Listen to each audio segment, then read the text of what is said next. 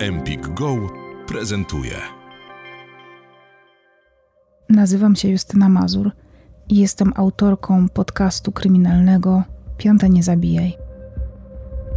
Dla Empik Go przygotowałam ośmiodcinkową, specjalną serię pod tytułem Droga po kres, w której opowiem Wam o najbardziej fascynujących mnie zagadkach kryminalnych z Polski i ze świata. Wszystkie z nich miały miejsce w podróży – z dala od domu. Zapraszam Was w tę tajemniczą drogę, która zaprowadzi nas w bardzo różne rejony, pokazując, jak różne mogą być przyczyny zaginięć oraz śmierci. Sprawa Alicji Baran.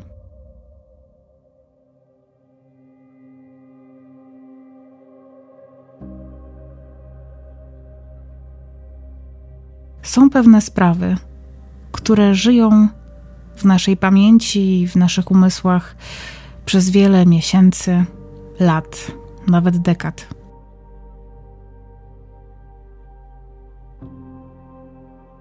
Taką też sprawą jest sprawa Alicji Baran, o której dzisiaj Wam opowiem.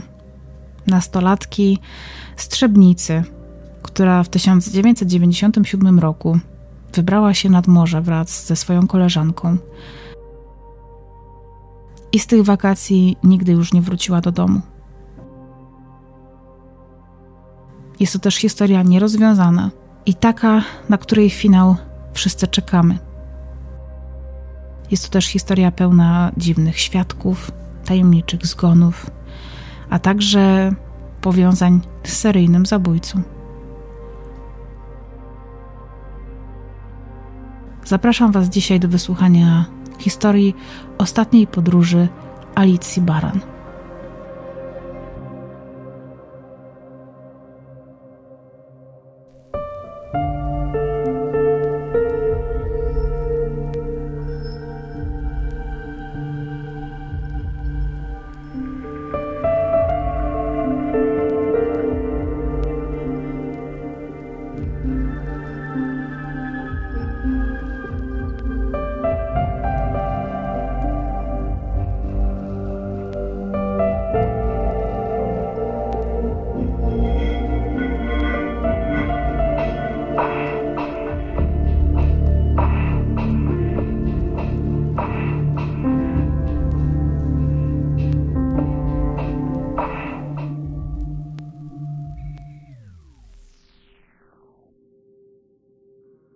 Alicja Baran ma 19 lat.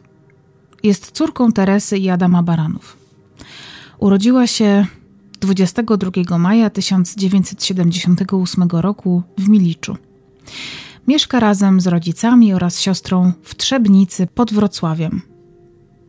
Jest uczennicą liceum o profilu ekonomicznym we Wrocławiu. Do szkoły często dojeżdża autostopem. Jest bardzo kontaktową i otwartą dziewczyną.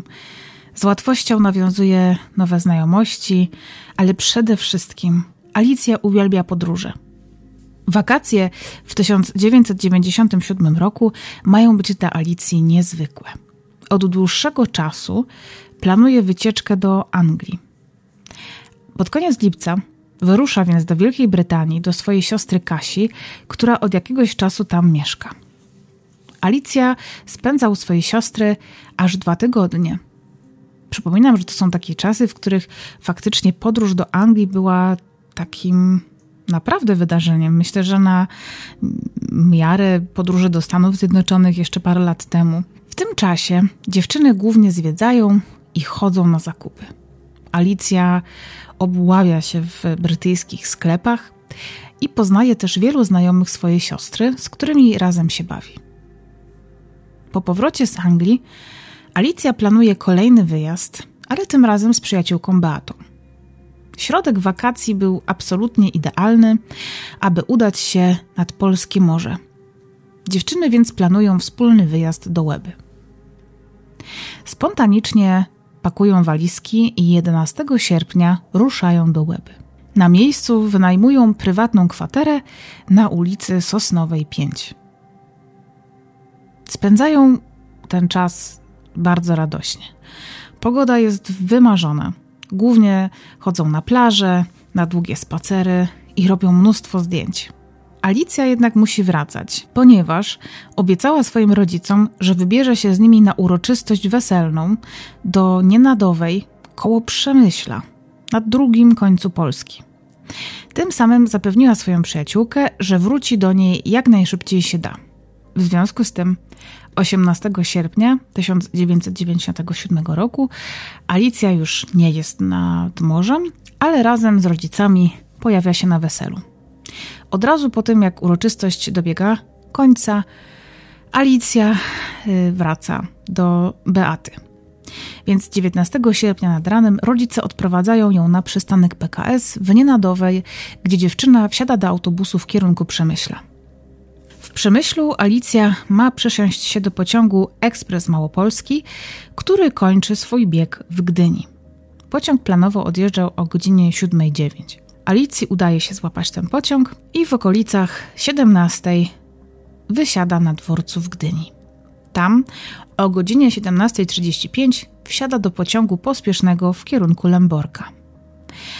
Z kolei w Lęborku Alicja ma wsiąść do kolejnego pociągu, który tym razem bezpośrednio ma już yy, dojechać do Łeby. Jak się okazuje, do tego ostatniego pociągu jednak Alicja nie wsiada. Przyjaciółka Alicji, Beata, chcąc zrobić jej niespodziankę, udaje się w godzinach wieczornych na dworzec PKP, by ją przywitać. Jest bardzo zdziwiona, kiedy Alicja nie pojawia się na dworcu. Beata jeszcze czeka, myśli, że może dziewczyna przyjdzie jakimś najpóźniejszym pociągiem. Ale nic takiego się nie dzieje. Rozczarowana Beata wraca do kwatery, myśląc, że Alicja jednak postanowiła po weselu zostać w domu i zdecydowała, że nie wróci nad morze. Beata więc postanowiła, że spędzi jeszcze kilka samotnych dni nad Bałtykiem, po czym po kilku dniach, kiedy nie doczekuje się Alicji, postanawia, że wróci do domu wcześniej. Pakuje się, opłaca kwaterę i do i 21 sierpnia wraca do Trzebnicy. Beata po powrocie do domu postanawia skontaktować się z rodzicami Alicji, z samą Alicją. I kiedy dzwoni do jej domu, okazuje się, że Alicji w tym domu nie ma, że rodzice ostatnio widzieli ją tego 19 sierpnia i są w szoku, że Alicja nie dojechała do Łeby. Wiedzą już wtedy, że na pewno musiało stać się coś złego. Dlatego rodzice Alicji razem z Beatą udają się jak najszybciej do komendy policji w Trzebnicy, gdzie zgłaszają zaginięcie córki. Pan Adam Baran jednak próbuje odnaleźć też córkę na własną rękę. W tym celu przemierza trasę, którą podróżowała Alicja. W pierwszej kolejności udaje się na dworzec kolejowy w Przemyślu, gdzie pokazuje przypadkowo napotkanym ludziom zdjęcia Alicji, ale nikt jej nie rozpoznaje. Dlatego rodzina udaje się również do takich miejscowości jak Słupsk, Gdynia, Lęborg, Łeba. Wszędzie pokazują zdjęcia Alicji oraz rozwieszają przygotowane przez nich ogłoszenia o zaginięciu z najistotniejszymi informacjami o córce. W dniu zaginięcia 19 sierpnia Alicja ubrana była w czarną bluzkę z krótkim rękawem, beżowy sweter zapinany na zamek, czarne spodnie, białe buty sportowe marki Adidas z niebieskimi paskami, białe skarpety w czerwono-niebieskie wzorki oraz niebieski ortalionowy plecak. Siostra Alicji, Katarzyna, po informacji o zaginięciu siostry przyjeżdża do Polski i czynnie uczestniczy we wszystkich poszukiwaniach. Wtedy też okazuje się, że jeden z konduktorów natknął się na dziewczynę, która była bardzo podobna do Alicji. Rodzice po pewnym czasie, nie wiedząc co robić dalej, wpadli na pomysł, aby poprosić o pomoc w poszukiwaniach jasnowidza. Państwo Baran jednak nie byli przekonani do tego pomysłu ze względu na to, że byli mocno wierzący, a to jednak przeczy pierwszemu przykazaniu. Pani Teresa decyduje się na rozmowę z proboszczem, który ma jej odpowiedzieć na pytanie, czy mogą w takiej sytuacji skorzystać z usług jasnowidza. Ksiądz wyrozumiale zachowuje się wobec rodziny i mówi, że jeżeli jasnowic ma przynieść odpowiedź na to, co stało się z Alicją, to powinni skorzystać z jego usług. Wysłuchałeś fragmentu odcinka podcastu Empik Go. Słuchaj całości w aplikacji Empik Go. Pobierz aplikację i zarejestruj się już teraz. Wybieraj spośród tysięcy audiobooków, e-booków, audioseriali i podcastów. Masz 7 dni za darmo.